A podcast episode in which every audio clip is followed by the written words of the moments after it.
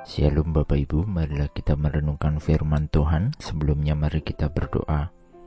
Tuhan kami rindu merenungkan firman-Mu. Roh Kudus pimpinlah kami, di dalam Tuhan Yesus kami berdoa. Amin. Bacaan saat ini diambil dari 1 Tesalonika 5 ayat 24, 1 Tesalonika 5 ayat 24. Ia yang memanggil kamu adalah setia ia juga akan menggenapinya.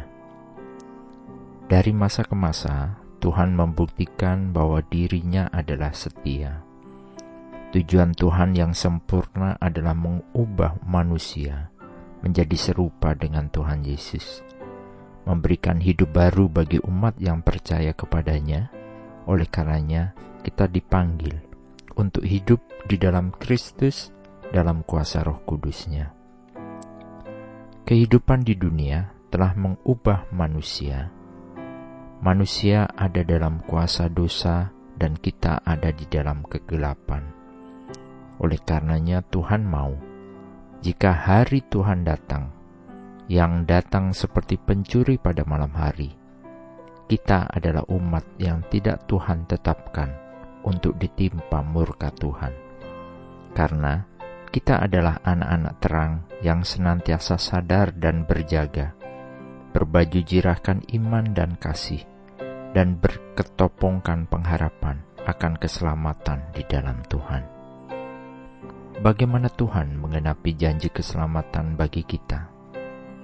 Kita telah diperintahkan dan diberi nasihat untuk hidup damai seorang dengan yang lain, hidup dengan tertib menghiburkan hati mereka yang tawar hati, membela mereka yang lemah, tidak membalas yang jahat dengan yang jahat, tetap senantiasa baik terhadap sesama, hidup dalam sukacita, terus berdoa dan mengucap syukur dalam segala hal, mengobarkan roh di dalam diri kita, dan jangan padam.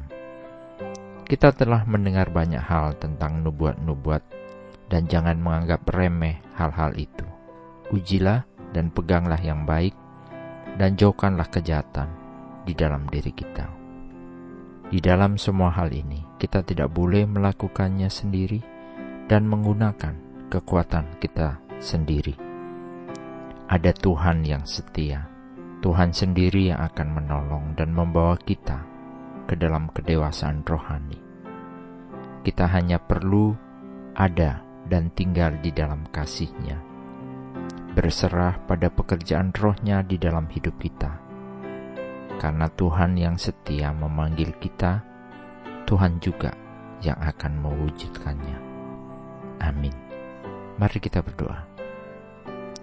Terima kasih Bapa Surgawi, bahwa Engkau yang akan membawa kami ke dalam kedewasaan rohani, bukan dengan kekuatan kami sendiri, tetapi saat kami berserah kepada Tuhan, Roh Kuduslah yang bekerja di dalam diri kami, membentuk kami seturut Tuhan mau.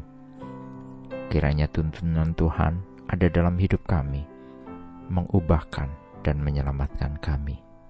Di dalam Tuhan Yesus kami berdoa dan memohon. Amin. Tuhan Yesus memberkati. Shalom.